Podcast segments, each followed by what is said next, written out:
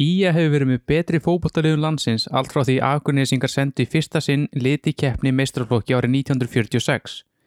Átján Íslandsmeistraratitlar og liði hefur tekið þátt í jafnmörgum byggarústættaleikjum og þar af unnið byggartitili nýju sinnum. Þetta segir ákveðna sögu. Slík sjóferð veru óhjákvæmlega ekki bein og greið.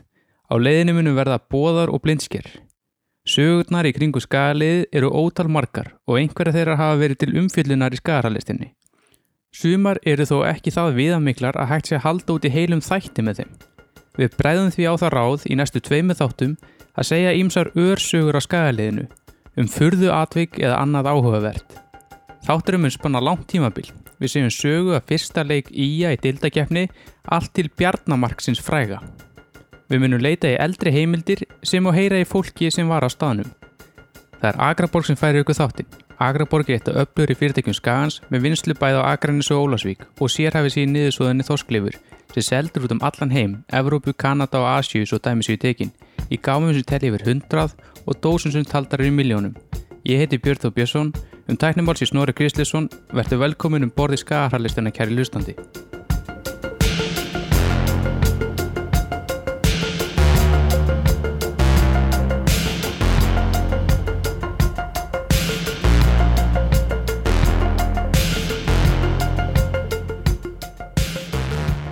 Akurnesingar höfðu átt öflug knaspunulið í rúma tvo áratugi áður en þeir sendi fyrsta sinn mistraflokkslið til keppni í Íslasmúti. Það var árið 1946.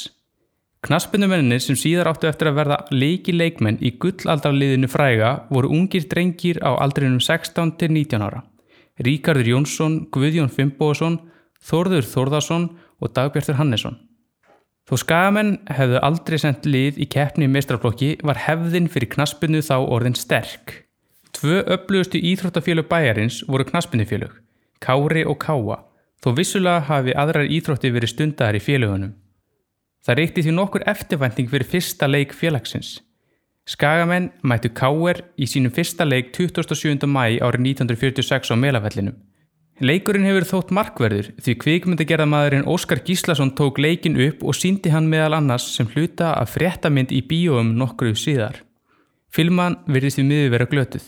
Þessi fyrsti leikur fóð fram á mánudagskvöldi. Stuðningsmenn Skagan sem ætlaði að verða vittni að þessum stór viðburði átti vandraði með að komast til Reykjavíkur. Þar sem farakostir reyndust fáir þennan mánudagin. En úr varða fremur lítill mótorbátur ferjaði 50 skagamenn yfir faksaflóa í höfustæðin. Á melavellinum tók við mikil hátíð.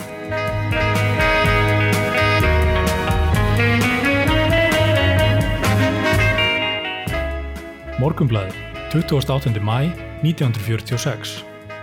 K.R. vann Akurnesinga 4-1. Setning Íslandsmótsins í gerkvöldi fór mjög hátilega fram. Fyrstleik lúðrasveit. Þá gengu öll knaspinulegin fylgtu liði út á völlin. Að síðustu setti Þorstein Einarsson íþróttafulltrúi mótið með kvartningaræðu. Þessu næst hófst leikurinn sem í upphafi var mjög hraður en ekki að samaskapi vel leikin. Mikið var um langspyrnur sem leikmenninir virtustega erfitt að ráða við. Auksínileg framför var hjá káeringum frá síðasta móti, bæði í knattmeðferð og úttaldi. Sókn þeirra var oft á tíðum vel uppbyggð með hættulegum spísboltum. Útærjarnir voru einnig skæðir með lága og hnit með að bolta fyrir tríóið. Óhætt mun að fullir það að K.R. og eftir að há margan góðan leik á þessu móti. Um akurnessinga má ímislegt segja. Þetta er í fyrsta skipti sem þeir koma hinga til þáttöku í meistaraflóksmóti í knatsbyrnu. Það er næsta fyrðulegt að ekki stærri bærin Akarnes skuli sjá sér fært að senda hinga úrvalsli knatsbyrnumanna. Verður það að teljast fagurt fordæmi er aðrir kaupstæðir ættu að íhuga. Það sem einkendi aðalega leik þeirra var þetta. Ódrepandi þól og vilji til að sigra. Samfari snerpu og þóli. Útalt þeirra var jafnvel betra en káeringa. Knatt meðferð vantar þá aftur á móti tilfinnanlega. Þegar tekið er á móti bolta má maður ekki missa hann frá sér fleiri metra. Sömu leiðis er leikið er upp með bolta verður að taka hann í hverju skrefi til að geta á hvaða augnabliki sem er gert það sem manni þóknast við hann. Dekking á mótterja er sömulegis ábútafant. Svo ekki sé minnst á staðsetningu eða skiptingu í framlínu. Mörg falleg ristarspörk sáust en minna var um þau nákvæmu innanfótar. Mín skoðun er svo að ef lið Akurnesinga fengi ársþjálfun undir handlislu góðstjálfara mættu reikvísku félögin vara sig. Þetta meina ég meðfram af því að ég veit hversu mikinn áhuga Akurnesingar hafa á íþróttinni.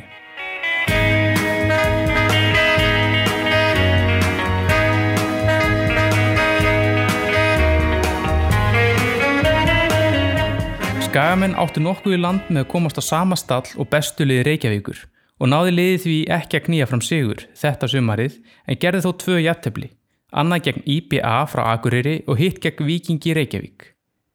Eflaust hefur leikurinn verið skemmtilegur og þrátt verið tap efast ég um að Skagamenn hafi verið mjög niðurlútir þegar þeir gengu frá melavellinum að Reykjavíkur höfn til að sigla með mótorbátnum aftur heim. Það var þó sennilega ekki fyrsti leikur íja í Íslasmóti sem satt eftir í minni stuðnismanna Skagans frá þessu vorkvöldi í Reykjavík. Því við tók svaðilför aftur heim.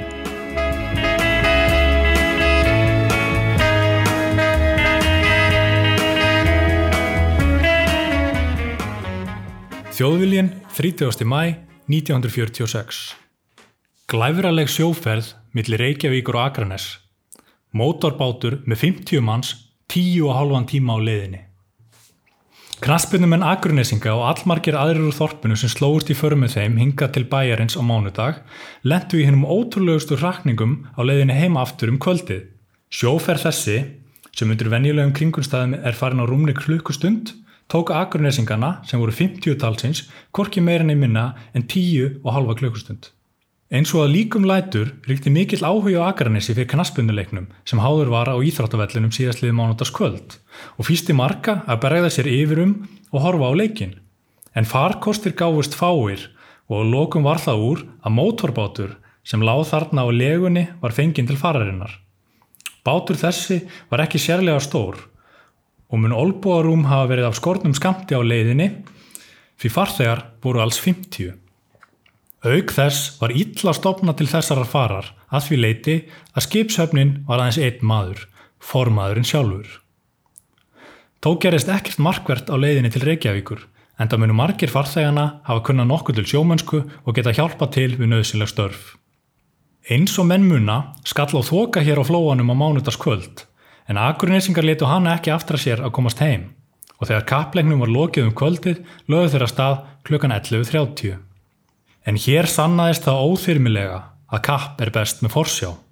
Því þegar báturinn var komin skamt á leið, gætt engin lengur átta sig á stefnunni og er skemstur á því að segja og hún var silt í óvissu alla nóttina og náði ekki til Akranes fyrir klukka tíu um morgunin. Voru menn þá orðin mjög dasaðir, hungraðir og þreyttir, en það mun kvílurúm hafa verið lítið fyrir þessa 50 farþega og matvæli vafalust enginn. Kunnu ég segja að sennilega hefði stórslis hlotist af þessu fyrirhyggjulösa ferðalagi ef veðrið, sem var hitt besta, hefði breyst til hens verra. Skipstjórin var með þókulúður sem hann blési í til að kalla eftir aðstóð. Fór svo að starfsmenn Þorges og Ellerts heyrði í lúðurinnum sem á hrópum og köllum. Fóru þeir út á árabátum og fyldu skipinu inn í Akranisöf.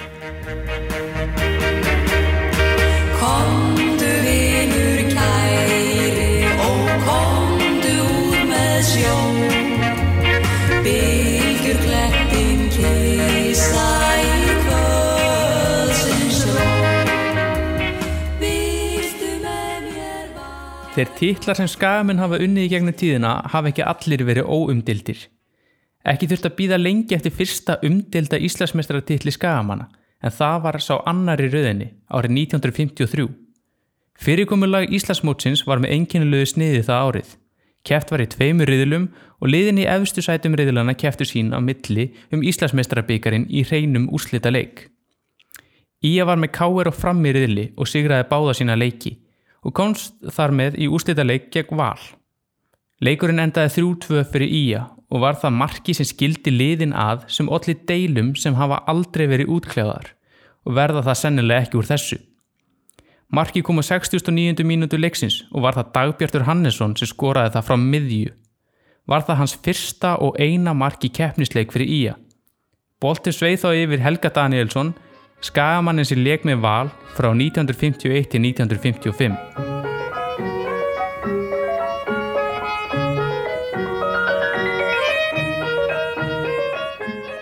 Tíminn, 8. september 1953. Tryggðu Akurnesingar sér sigur í Íslandsmótinu með ólöglegu marki. Um miðjan síðaraháleg í úslita leiknum í Íslandsmótinu millir Akurnesinga og Vals stóðu leikar 2-2. Dagbjartur Hannesson, miðframvörður Akranes, fekk þá knöttin á miðju og spindi hátt og fast að marki Vals. Flestum áhörðendum til mikillar undrunar lág knötturinn í marki Vals. En hvernig hafði hann komist þangað? Valsmenn bendu dómarunum á gata á marknetinu og halda því fram að knötturinn hafi ferið í gegnum það í markið. Dómarinn dæmdi hins vegar mark og á þessu marki sigruðu akurnissingar í annarskipti í Íslandsmótinu. Þeir eru vel að sigrunum komnir fyrir sennilega eiga þeir helsteftasta liðið á að skipa en óneitanlega hefði verið skemmtilegra ef engin vafi hefði verið um réttmæti sigurmarksins. Þetta mark munum valda miklum deilum í framtíðinni og sennilega fæst aldrei úr því skorið hvort það hafi verið ólöglegt eða ekki. Óneitilega bendir þór margt til þess að knötturinn hafi fallið ofan á marknitið og vegna þess hver knötturinn var orðin þungur vegna bleitunar hafi hann rifið eitt möskvan og síðan fallið inn í markið. Staðhæft er, bæði af dómara leiksins og eins og vallarverði, að marknitið hafi verið heilt þegar leikurinn hófst.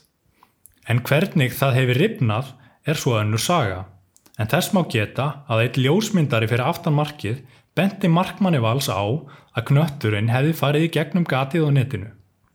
Eftir leikin náði bladamaður frá tímanum tali af nokkrum leikmönnum og dómaranum og spurði þá um álit þeirra á hennu umdelda atriði.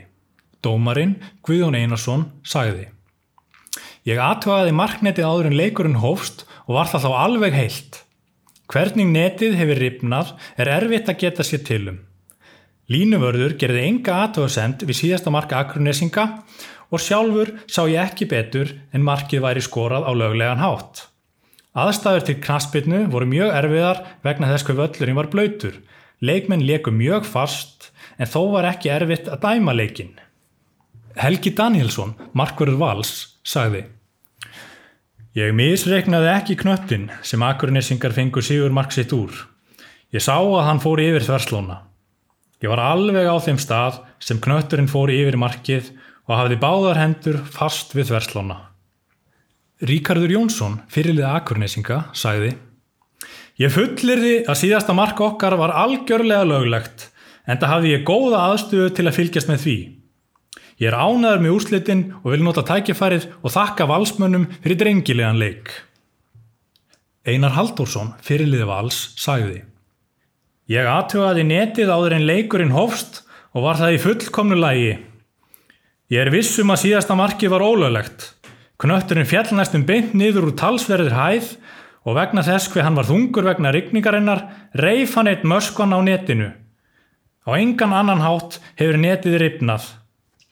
Já, sitt sínist hverjum um þetta atriði, en áræðilegt er að þetta mark mun alltaf verða umdelt, enda eitt vafasamasta mark sem komið hefur hér á Íþróttavellinum um nokkurt ára byll. Sennilega fæst aldrei úr því skorið hvort það var löglegt eða ekki.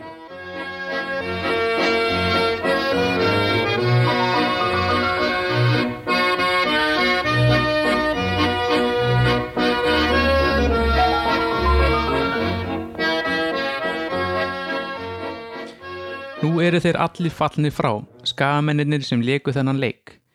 En það var þráttað um hann alla tíð. Helgi Danielsson, skagamaður sem stóði marki vals, skaut þessu reglulega að vinum sínum. Sigtryggur Sigtryggsson, blæðamaður Morgunblassins, sagði frá því í nóvembur árið 2009 að hann hafi setið fund á agransi þá um sumarið. Mun Jón Gunnlaugsson hafa varpað umræðefnunum fram og á fundinum sátu Ríkardur Jónsson og Helgi Danielsson. Mun Helgi Danielsson hafa sagt um leikin Þetta var Íslasmúti þegar skagamenn skoruðu gatamarkið ólöglega og mun ríkarðu hafa svarað um hæl. Þetta var fullkomlega löglegt markelgi og heldur svo áfram að þráttaðu markið fræga. Þeir hafa sennilega aldrei komist að niðurstuðu og sennilega ekki vilja það einu sinni. Því hvað þykir gömlum félögum skemmtilegra en að æsa hvern annan upp í gamasemi.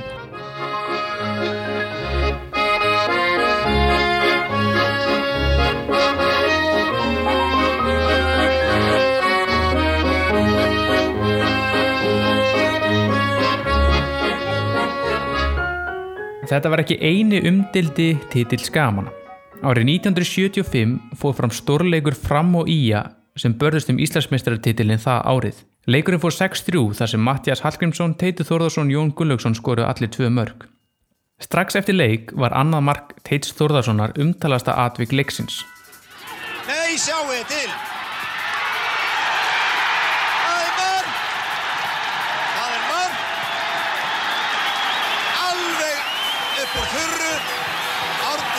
Stefánsson að dúlla með hnöttið þarna og er ekki ánæðið með þetta. En marg er það. 2-1. Og Teitur Þórðarsson sem skoraði þetta sérkennilega marg. Teitur Þórðarsson tæklaði þarna boltan frá Átna Stefánsinni markmanni fram í drippli árna í vítategnum. Á sjónvars upptökum skilum að þeirra framarar hafi alls ekki verið sáttir en það virðist Átni verið með boltan í höndunum. En þetta atvik glimtist og fljótt í umræðinni þegar það vek fyrir öðru og starra máli. Fram laði fram kæru eftir leik og töldu Hörð Helgason markvörð í að vera ólöglega. Hörður Helgason settist niður með mér á dögunum til að fara yfir málið.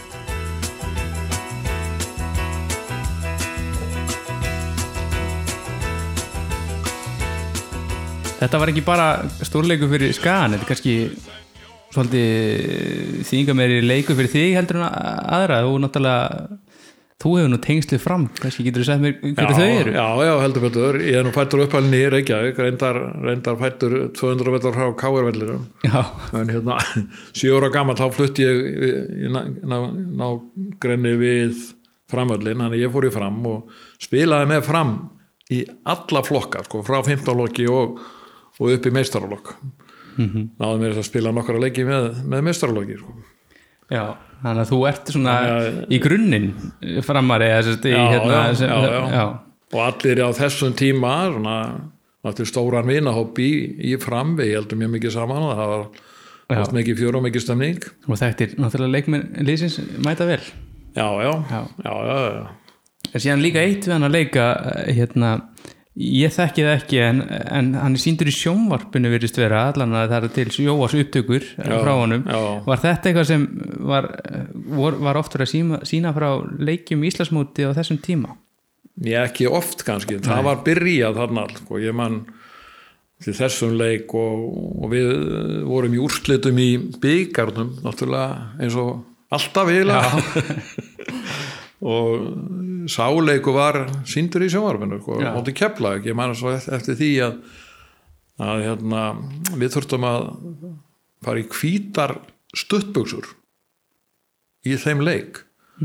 Bara þetta var náttúrulega svarkvít já, og hérna, mið í gulum og svörtum það þótti vera daldið líkt sko í svarkvítu sjónvarpir sko Já. ykkur leið í, í, í sínum í sínum búningum sko. Við vorum í hvítum buksum sem að bara, við fengum bara aðvita þegar við löpuðum inn í klefana sko. Já. eitthvað sem KSI átti vantalega þannig að þetta var sjónvarsleikur, já. Menn, já, það var rúvar byrjað að sína þessa leikið þannig Já, en uh, síðan er það svoleiðis að, að þessi leikur fyrir 6-3 fyrir Skagan og Skagin þá svona svo gott, svona svo gott sem búin að tryggja sér Íslandsmeistari titilinn hann er hérna, hvað er það næst síðast eða eitthvað já, já, umferð? allan er konið mjög vænlega stöð mjög vænlega stöðu en það fyrir afstæða atbyrðarás uh, nokkrum dögum setna getur þú kannski útskýrt það fyrir mig hvað hva, hvað gerðist? Já, það kom bara daginn eftir eða tveim dögum eftir sko, þá fæ ég bara uppryggingu sko, frá einhverju blaði og, og svo fleiri síndul um daginn sko, og það sagt, framar þeir alltaf kæra úrslit leiksins, kæra vegna því að þú ert hérna, ó, varstu ólöglegur í þessu leik. Nú sagði ég hvað akkur já, þú hérna er ennþá skráður félagi í fram. Ha, sagði ég. Það getur ekki verið. En hérna ég fór náttúrulega í algjörn kerfi sko, ég vissi ekki hvað er í gangi þetta var ferlega fúlt og svona það var, var svolítið panik í kringum þetta. Mhm. En sko tildrögin voru þetta var, þetta var mjög langsótt sko. Já, ég var í fram eins og, eins og hérna eins og ég kom inn á það sko. Og 1972 þá flutti ég upp á Skaga og skipti úr fram yfir í, yfir í hérna ía og er það sko 72, 73 og þá um hausti 73 þá ákveðu við ég og konana Já, ég þetta er- farið til Reykjavík sko, þá var svo gaman Reykjavík að allir komlu félagarnir þar og alltaf voru fjör og, og hérna eins og, eins og var sko. Við flytjum þarna um haustið 73 og ég fyrir að kenna í Reykjavík. Þá ætlaði ég bara og fóð, þá, þá ætlaði ég að fara aftur fram og fór í fram og hérna tilkynnti fram úr það, sagði ég kom að fluttur Reykjavík, nú langar mig að koma fram. Já, ok, verður bara velkomið, sagði þeir og svo var ekkert meira með það og og hérna, ég var ekkert að pæli einhverjum að þyrta eitthvað að skrifa undir einhverja félag að skipta tilkynni eða eitthvað sko Nei, því var menn ekkert mikið að pæla í því á þessum nei, nei, menn voru ekkert að pæli þessu sko, þetta var eitthvað sko þessum árum voru svona for, var þetta miklu óformleira oft á tíðum heldur en núna sko. Tíma Já. það vantar svona reglu formlegaheitin og reglu festuna í þetta sko. Heyrðu bara sjáu þetta, já, allt er fína með það og svo fyrir ég að það nokkra ræðingar með fram og svo, já, okkur leiðist þannig við ákvæmum að fara upp á skag aftur snemma snemma þarna 74 en eh, svo því ég kem ég endalega um vorið þá er, þá er hérna, liðið orðið svona fast mótað hjá Kirby, þetta er fyrsta ára sem að George Kirby er. Og hann er búin að ákvæða það að ég sagði það við mig, ég er hérna með tvo markmenn sem eru búin að æfa vel í allan vetur. Davíð Kristjáns og Einar þannig að þú er náttúrulega velkomin í hópin en þú er náttúrulega bara markmaður nummið þrjú sko. Já já, allt er fína með það. Þetta var maður pínu svöktur en tók því það var það var ekki neitt annað að gera. Ég hafði ekkit verið, það lítið sem ekkit verið hérna veturinn. Þetta var 74 og um, ég hafði ekkert spilað neitt með fram sko þarna en þá síðan 71 svo kemur 75 þá, uh, þá hérna hættir eina Guðleifs og við erum tveir hérna markmann ég og Davíð.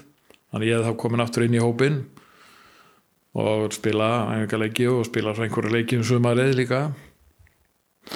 Og það er enginn að pæla í því. Býtu, þú ert þú ert bara hérna, þú varst hérna 72, 73 og nú ertu komin aftur. Það var enginn að pæla í einhverju sko félagaskiptum sko ég reyndar hafði því ég sagði við framarana hvattið og ég sagði að ég er bara að fara upp á skaga sko hérna sjáu þið ekki bara um að að tilkynna þetta hann til kási jú, ekkert mál bara og takk fyrir og gaman að, gaman að fá þig og gangið þið bara vel og svona og við skulum bara sjá um þessi þessi formsadriði já, já, svo hafði engin ágjörð því þetta svo líður svona 74 og það er komið 75 og svo kemur þessi leikur. Mitt sumar 75 þá fer einhverju fram. Ég veit ekki hverja, vissi aldrei hverja það er einhver nöfn nefnd sko. Ég veit ekkert staðfest að þetta væri nú það væri búið að finna það út að, að það hefði aldrei verið gengið frá félagskiptum mínum úr fram yfir í að þannig að um áramótin eða í byrjun 74 og enn voru í alveg einhverju áfram voru í alveg að speklur í að kæra. Mm -hmm. þeir eru nú sjálfur lendi í kærumáli árið áður og, og hérna voru alltaf mjög fúlir yfir því og svona en þeir eru með, með sér að og fengu, og það var svo þurftu að vera að spila held ég leik aftur þannig að það er kannski að vera að hóra eitthvað til þess já, já, já, já, þeir voru náttúrulega að hugsa með sér, ok, við vorum kærðir í fyrra en við getum alveg að fara í það að kæra núna, þetta var ótrúlega algengt á þessum árum að, að, að leikir voru kærðir út af hinn og þessum ég vissi það náttúrulega að því ég átti nú marga mjög góða vini og á enn þannig í þessum hópi í fram sko, að þar voru menn mjög fúlir yfir þessum spekulasjónum sko. Mm -hmm. félaga mínur og, og bara voru, já, voru mjög fúlir sáðu bara, þetta er náttúrulega gengur ekki sko. Nei. og sennilega hefur það haft áhrif á þessa fórustu menn sem að voru eitthvað að pæla í þessu. Að þetta var náttúrulega ansi langsótt sko. Já, og það var, var sem sagt ekkert úr nefni kæru sko en þetta lítur að hafa farið svona aðeins um þig út að það, það er farið að þú hafði spilað leikið hérna áður um IBF og FA og þá er eitthvað svona að í að því að, að þeir geti mögulega kert líka og það er svona að það er öruglega einhver svona smá tíma sem Íslandsmótið er svona í pínu upplust fyrir þótt að þú hafi verið ekki nefnir sökað því þá lítur að hafa verið svona farið svona verið kannski óþægilegi dagar. Já, mjög, mér, ég mann það, mér leiði alveg djöfitt lítla yfir þessu meðan það var svona í óvissu sko. -hmm. og það var hérna það var ekkert í alveg hérna standi með að þetta var sko. Já. En og líka það var til dæmis sko það var næstu leikur og eftir var, var við val. Mhm.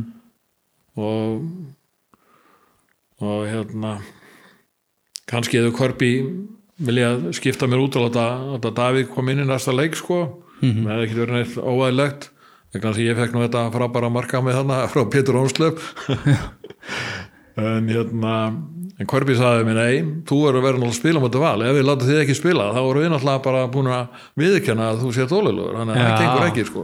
En sjálfsagt hefur skortið þarna á formsatri bæði hjá mér sko. Ég hefði náttúrulega átt að vekja aðteglið þeirra á því hérna í stjórninni hér sko. Að býta tekkiðin á þessu. Er ég ekki öruglega lögluðu með ykkur sko?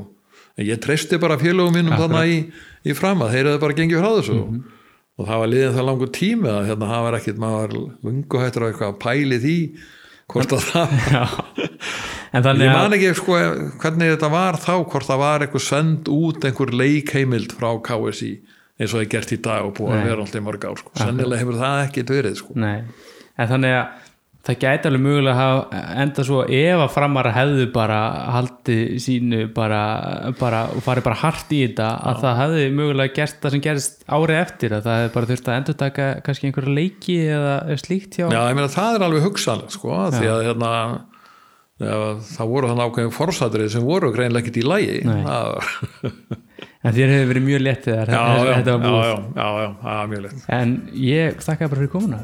Já, takk fyrir, gaman að hérna hitt ykkur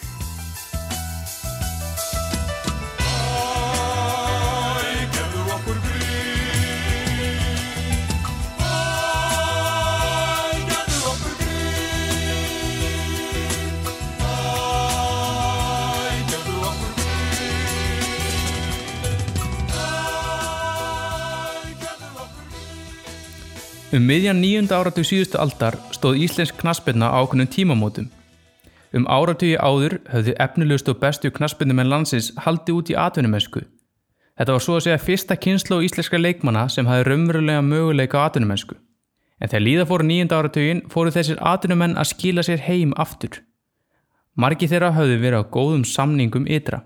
Klemman sem íslensk knaspirna stóð frammi fyrir var svo að íslenska dildin var algjör áhugamanadild á þeim tíma.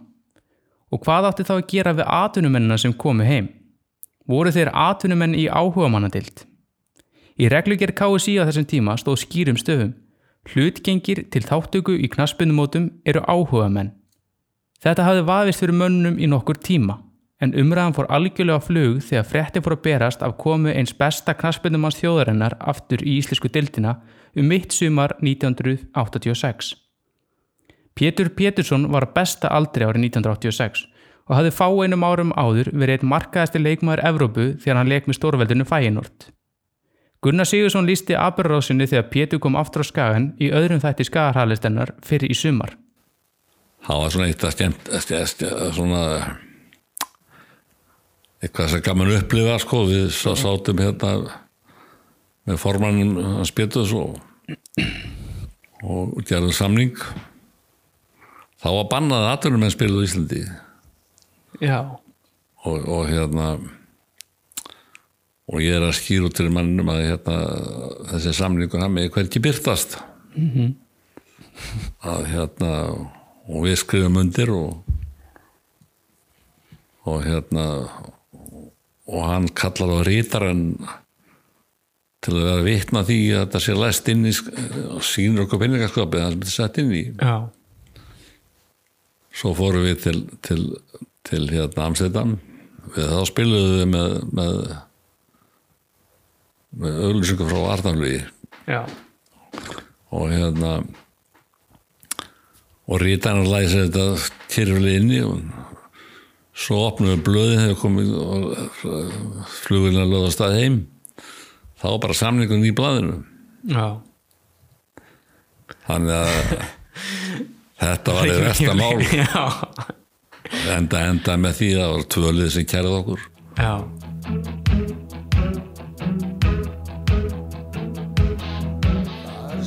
Önnur lið á Íslandi töldu hann atvinnumann. Að hann væri enn samningsbundin Antwerpen í Belgíu. Hann væri atvinnumadur í áhugamannadild.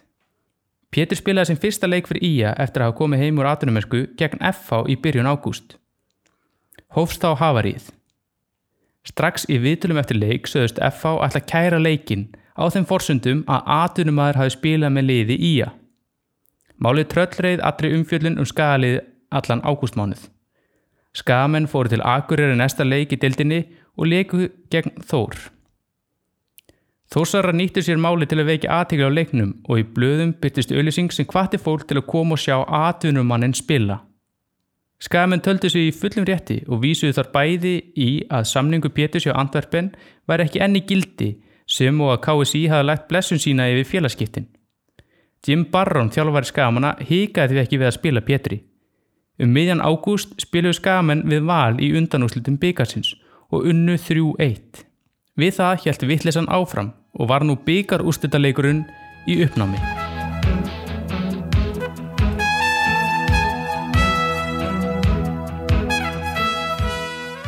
Morgunblæðið, 15. ágúst 1986 Úrslitum byggarkeppninar frestað vegna kæru á Ía.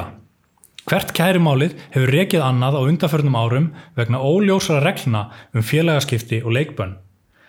Valsmenn funduði í gær um það hvort er ættu að kæra byggaru undanúslitaleikin á Akranesi og þó engin formlega ákvörun hafi verið tekin bendir allt til þess að Valur leggji fram kæru í málinu í dag. Það veldur því að úslitaleikurinn í mjölkurbyggarnum sem fyrir hugaður er 31. ágúst kemst í uppnám fyrir litla líkur er á því að hægt verið að dæma endanlega í málinu á tveimur vikum. Að minnstakosti ein vika fer ég að fjallum málið í hérastómi á Akranesi og öllum líkindum ekki skemmri tími í að fjallum málið hjá domstóli ISI verði því áfríðað. En það má heita örugt samkvæmt venju og þar sem félagin þurfa að minnstakosti 3-4 daga til að undirbúa sig fyrir úslítaleik sem þennan má talja ólíklegt að úslítaleikurinn geti farið fram á fyrirfram ákveðnum tíma.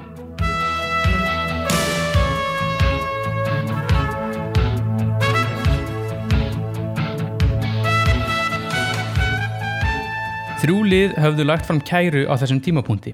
FH, Þór og Valur. Réttur umri viku fyrir byggarúslita leik í á fram sem átt að fara fram 31. ágúst dæmdi domstól IBH svo að Pétur var í löglugur í leik FH og IA. Ungur formaður knaspunndeldar FH sem síðar átti eftir að vera stór karættir í íslenski knaspunnu, Jón Rúnar Haldásson, unnið ekki domnum og var honum áfríðað til domstóls KSI. Sádómur fjall ekki fyrir en eftir byggarúslitaleikin 1986. Byggarúslitaleikurinn fór því fram í skugga þryggja kærumála. Enn var að huldu hvort Pétur var löglugur eða ólöglugur leikmaður þegar flauta var til leiks í sögufræðum úrslitaleik í á fram. En það var í það minnsta eitt leikmaður sem leti þetta mál ekki drubla sig. Pétur Pétursson var fullu sjálfströsts. Fyrir leikin barst Pétursmálið svo kallaða til tals á bladamannafundi. Pétur var lítið að stressa sig á því og spurði léttu hvort hann er ekki öruglega kerður ef skæin inn í leikin. Þegar leikin var komið vantaði svo ekki sjálfströstið. Ólafur Þórðarsson og Sveinbjörn komin inn fyrir og upp að þetta mörgum og sendir boltan fyrir markið og mark! Pétur Pétursson hefur jafnað leikin Pétur Pétursson skorar hér fyrir Skagamenn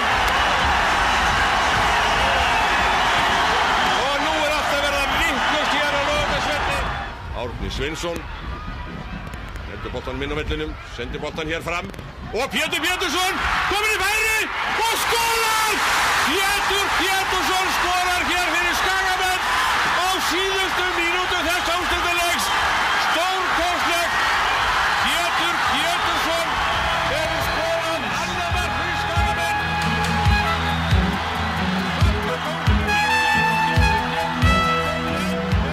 Já, Pétur skilaði einni bestu framistuðu leikmanns í úrstæðuleik byggarsins þar sem hann skoraði tvö frábær mörg. Nokkur dögum síðar dæmdi domstól KSI Pétur svo löglegan og fjallmáli þá í glemskuna dá.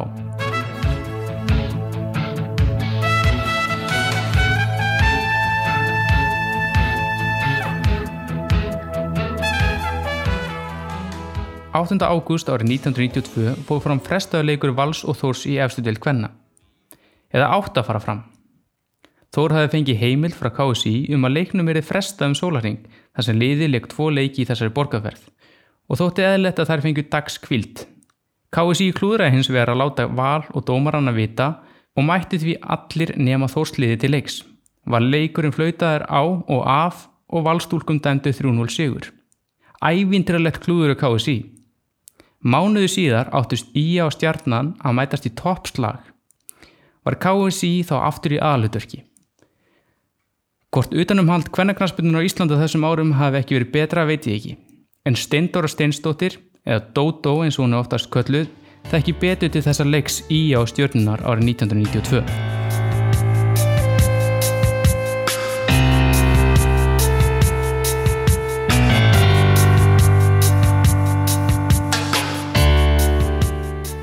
Já, við erum bara mættar upp á völl bara, þetta er miðgudagar Já, og bara það er sól og blíða og við erum bara spenntar að fara að að leik og erum bara góðu róli, höfðum hérna í unnið hérna í marga leiki og undan, höfðum vísu tapa fyrir þeim í Garðabæ 2-1 en við vorum bara í góðu róli, mitt nýbúnar að vera byggameistarar og, og svona og við höfum alltaf þannig að við skiptust á að sjáum svona teorist fyrir leik, mættum alltaf tvær og hérna og það var bara venjulegu dagur, ég man ekki hverjar voru í því en, en við gerðum það og svo ég bara eh, kemur smári og þjálfari og, og tilkynni byrjunarliði minni mig og við fyrir bara inn í klefa og gerum okkur klárar fyrir toppslag. fyrir toppslag, já, að því að sko við vorum með 28 stig og stjarnan var með 25 Já, þeir, ég held að stjarnar síðan þá séans að verða Íslandsmeistari Já, þarna, jú. Já,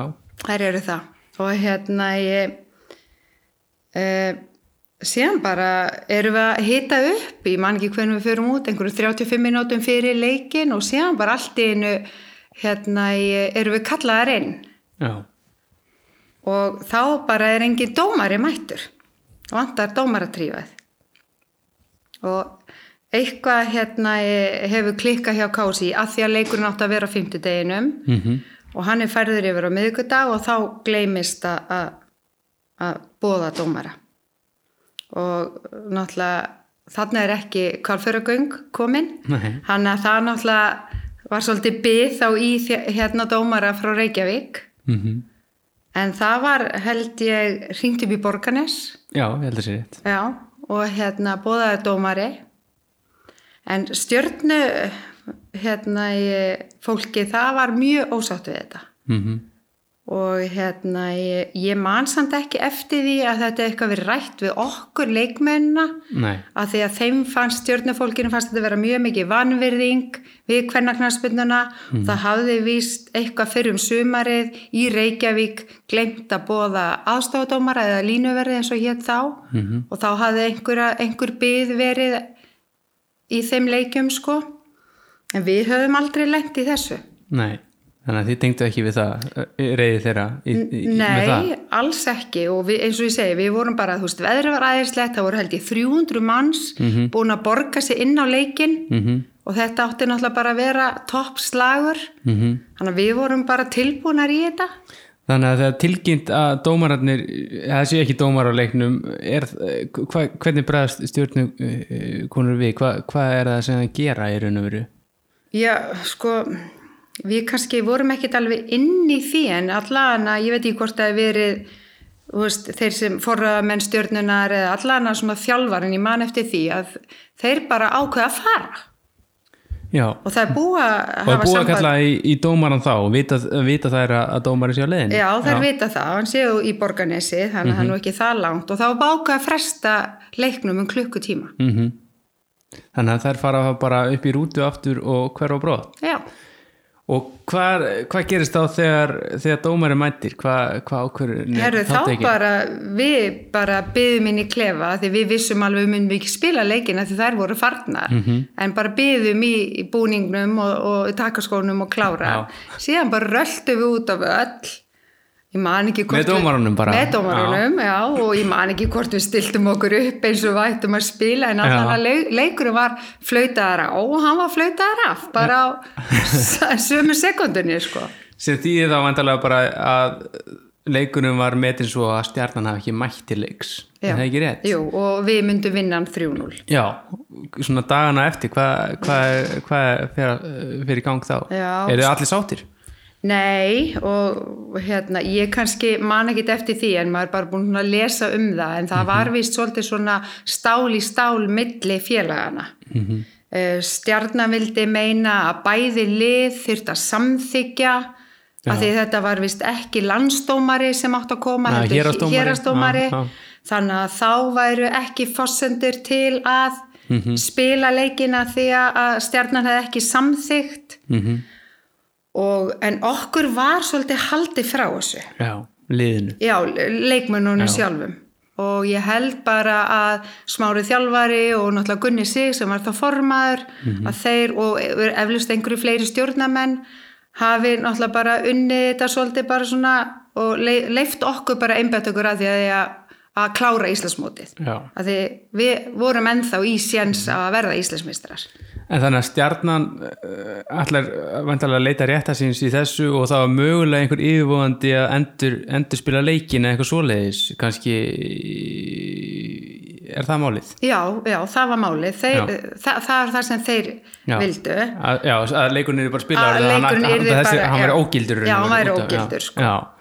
Og hérna, ég, okkur svona grunaði að, að þarna þegar að þær fara að, að, að þær kannski þorði ekki alveg að spila við okkur. Af því að það vantaði svolítið líkil menn hjá þeim og svona, Já. þannig að þetta kannski hentaði þeim ágætlega að rjúka bara upp í rútu og fara. já, vantaði þeirra bestu leikmenn kannski Já.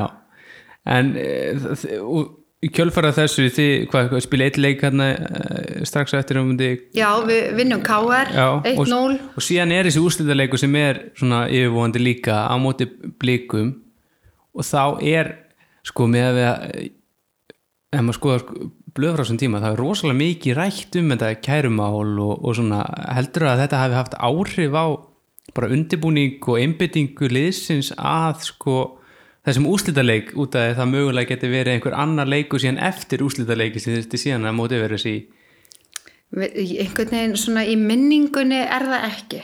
Nei, nei, einhvern veginn uh, að því mér fannst bara uh, stjórnin, þjálfarin alveg svona halda okkur frá þessu og við vorum bara einbætt okkur að því að spila fótbalta og gera það vel. En hérna, hver, en, þessi lög, hvernig, var þessi leiku spilaðar aftur eða var, var þetta raun og verið bara dæmt sem að stjarnan hafi ekki me- mætt til leiks þennan dag? Já, sko, allana 15. september, Já. þá er mótið alveg löngu búið. Þá er ekki ennþá búið að krýna Íslandsmeistarana. Nei, af því það er ekki búið að dæma í þessu og mér minnir að, að stjarnan hefði ætlað að áfrýja eitthvert lengra en svo á endanum þá bara fjallið er frá kærunni.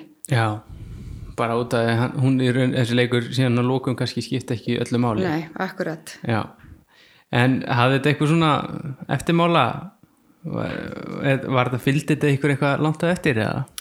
Nei, ég nú held nú ekki sko en það var hérna fyrir lokahóf kási Já, þá var svona fyrirparti það sem að ég man ekki alveg hvort að einhverju styrtar aðlega sem buðu öllum liðunum. Já, og þá var það ein, einn leikmaður hjá stjórninni sem að hérna ég held ræðu og, og endaði svo ræðuna sá vægir sem viti hefur meira.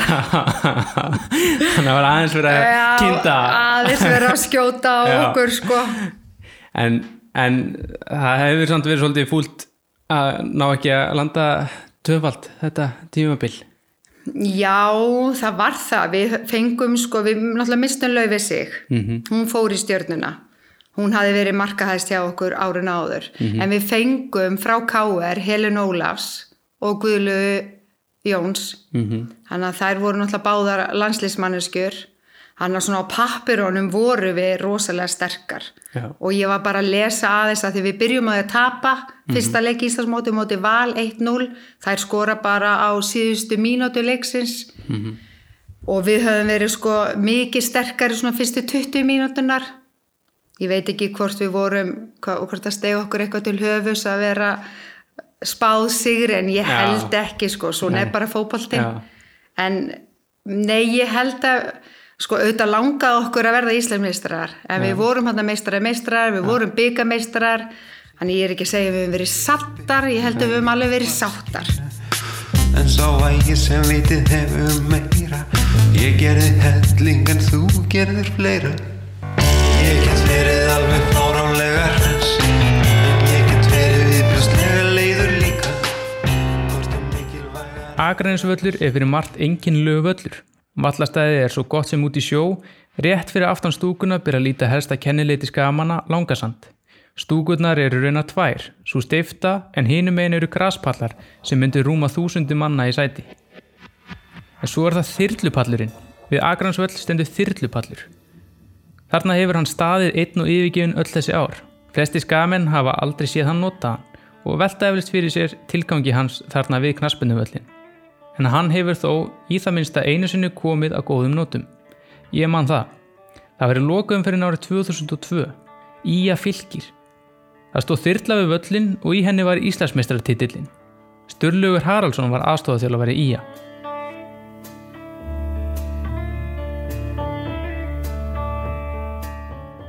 það var í stjálf sem mikið húi því að, því að hérna, við hefum aldrei tekið það mál og ég, ég og Óli Þórðar við hefum aldrei sætt ákveð það að eitthvað annar liðin í að tekja mot Íslandsmestartillinum á Akransvelli þannig að það var aldrei að fara að gerast. Og, og ég held að við hefum alveg náð að koma þeim skilabóðum inn í liðið. Ég held að menn hafi viljað svona steimpla sér indáldi sko, láta vita af sér sko, að, að, að þetta væri nú ennþá skæin þetta var náttúrulega liðið sem var Íslameistari ára Mhm. undan og, og sjálf sér uppistaðan í því liðið var ennþá ennþá til staðar þarna. Mhm. uh, við höfum farið, farið illa af stað í mótinu. En þannig síðasta leiknum kom kannski tækifæri svona til að sína okkar rétta andlit sko, að, menn kem ekkit upp á skagan og fengi sjálfkrafa hérna, sigur og Íslandsmestartilli, það, það var alveg klárt og, og hérna það er einhvern veginn myndaði skrýðaleg stemming fyrir hennar leik.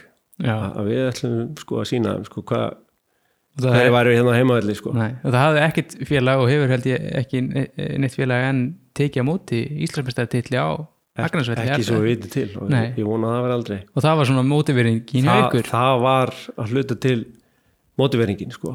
Að hérna en, en, en, en, en og síðan er hérna síðan spilum við bara gríðarlega vel í þessum leik sko. Við mm Mhm. gjössanlega völdum yfir fylgismenn þeir, þeir koma greinlega taugaveiklaði til leik sko og þeir sá aldrei til sólar í þessu leik. Nei, en skipti engu máli að þarna voru einhverju nýlegar einhverju svona eh, engi sérstök óg svona sögulega séð fylgismenn að fara að taka við sín fyrsta Íslandsmeistartilli mm. ef við vinnið þá fá káeringar Íslandsmeistartilli Já. var, var það ekkert það að var bögga ykkur? náttúrulega, það var aldrei sárt. Já, það er alveg klárt. En hérna eh, hitt hitt uh, vóðingra við ætlum ekki að láta neitt taka mútið Íslandsmjöndar til að græsli, það er alveg klárt og síðan er líka síðan líka að búið að vera umræða undan. Ég, það er vikta kannski ekki jafn mikið sko, en þú veist, með maður að tegja já, skagamann hafa ekki neina að keppa og, og hérna fylgismenn munum bara öðlega vinna sigur hérna í, Já. í loka leik og svo, svo framvegs og svo framvegs en hérna en það var aldrei að fara að gerast. En það er líka eh, sko, í raun og veru þetta að líta að sko, afstofþjálfari í ára á undan er Aðarsteinn Víglundsson. Hann er þjálfari fylgist þarna. Mm hann og Óli sem eru eh, þjálfari í að þarna þeir eru bara æsku vinnir eða Já. mjög góði vinnir og var, þarna svona sannast í fórkveðna enginn er Já. annars bróður Já. í leik. Já, nei, nákvæmlega. er, var, var það heldur ekki neitt? Ég, ég held að það, það hafi æst ennþá meira upp í, upp í okkur og örgli Óla kannski meira en okkur og öðrum sko. hann er alltaf ekki láta alla vík fara að taka sér í síðan það er alveg klárt sko. Ég held að við þekkjum Óla það vel. Nei, en það sem er svona menn muna helst eftir og þessi leikur er frægur fyrir. Já, er þyrlan. Það er þyrla sem er hérna, komið fyrir á Akranesi með Íslandsmeistartitilinn Mm. e, þetta er svolítið furðulegt. E, og, og hérna síðan hvað þið komist yfir bara í síðara hálfleik ekki satt? Jú, e, komist í 2-0 og þá tekur bara hérna, þyrlan á, á loft og Já. flýgur yfir hvernig, er, hvernig var þetta? Var þetta, fannst ykkur þetta skemmtilegt eða var þetta skrítið. Í, já, ég held að það hafi verið ákveðin motivation að, sjá þyrlun að fara á brott með Íslamestartilinni, ég held að það hefði alveg hjálpað til en hérna KSI var með dilemma hann að einhver staðar þurftu þeir að hafa byggarinn Já, og þeir ákveða að hafa byggarinn á skaganum. Mm af því að þeir einhvern veginn þóttu þeim líklega að, að fylgir myndi taka titilin þegar þeir voru allavega ofar í deildinni. Já, heldur en hérna KR en fylki var samt að vinna sko ef mann rétt þá var fylki bara einu stíu undan KR sko þannig að þeir þurftu eiginlega að vinna okkur til þess að verða íslamistarar já, og hérna þannig að KSI ákveður að hafa hafa byggarinn hann á á skaganum en hann stoppa ekki lengi. Nei, en mannstu eitthvað eftir því þegar þyrlan fyrir að stað er eitthvað, mannstu eitthvað hvernig fylgismennu voru, var fór bara höfuð ofan í bringu ég, eða- ég, ég man það nú ekki. Svo, svo hérna nákvæmlega en, en þeir voru náttúrulega gríðarlega niðurlutir og reynir all, alla leikin sko því að þeir bara einhvern veginn sá aldrei til sólar sko, Nei. þeir bara náðu sér aldrei á strik. Nei, en e, ef við tökum svona saman því eðurlöðu bara draum fylgismanna og þeir hafa enn ekki þeim hefur enn ekki tekist að vinna Íslandsmeistartitilinn þetta var í raun og veru stóra tækifæri þeirra. Já. og því eðurlöðu það fyrir leikmönnum og fjölmörgu stuðnismönnum sem hefur komið aðna Já. upp á skaga. Mhm. og Þyrland tekur loft og fer í frostaskjóli og K.R. vinnur enn einn Íslandsmeistartitilinn hefði ekki bara, eh, var, var, eh, hvernig eftir leik, var þetta sætt eða súrt? Ekki, hefði ekki bara verið mikið skára að tapa þessum leik og, og hérna? Það, það er bara kvarla aldrei aldrei að okkur sko. Það, það var ekki það var bara ekki inn í myndinni. það var aldrei inn í myndinni, nei þannig að, þannig að ykkur var skára að gáringarnir fengið þetta heldur en Við fylgismenn vorum ekkert að spá í það, við ætlum bara að vinna hennar leik og, og hérna, ég myndi ekki segja að við hefum tekið þetta af fylgismenn, fylgismenn klúru þessu sjálfur já, það og hérna, við, þetta var bara leikur hérna sem við ætlum að vinna eins og hvern annan leik. Já, og hérna þannig að þe- þetta kvarlaði aldrei okkur sko, þetta er ekki þetta er ekki skaplösi menn sem voru í þessu liði. En, en hérna, veistu nefnir sko að við höfum tekið af fylgismenn og það, það var einmitt bara ára undan líka sko, þá var þeir lengi vel eftir í deildinni. Mhm. en hérna og nú fræk sagan þegar þeir voru farnir að syngja We are the champions um mitt, í, í partíum þannig að má kannski segja að við höfum tekið hann titilinn. Hann árið undan. Já,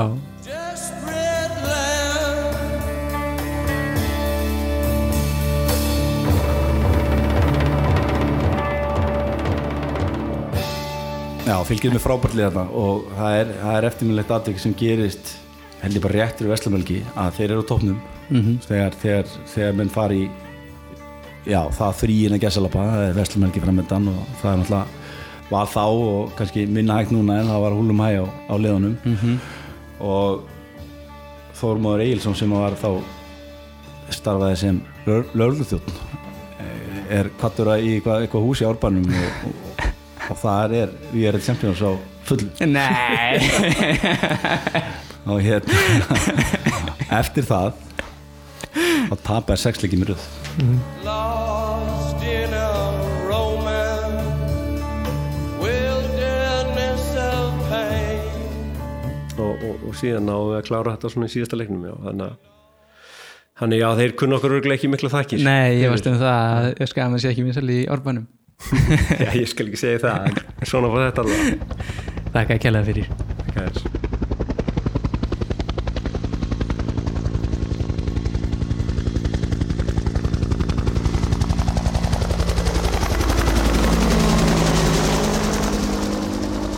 Við segjum þessari sögustund lokið að sinni en við munum halda áfram í næsta þætti.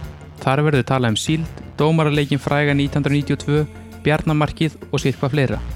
En við kveðjum að sinni. Umsjónum að þáttarins var Björn Þór Björnsson, um taknimáls á Snorri Kristleson, þjólu þáttarins var Kristján Gutti Karlsson og sérstaklega þakki á Heiða Mar og Heiðrún Hámyndudóttir. Verið sæl.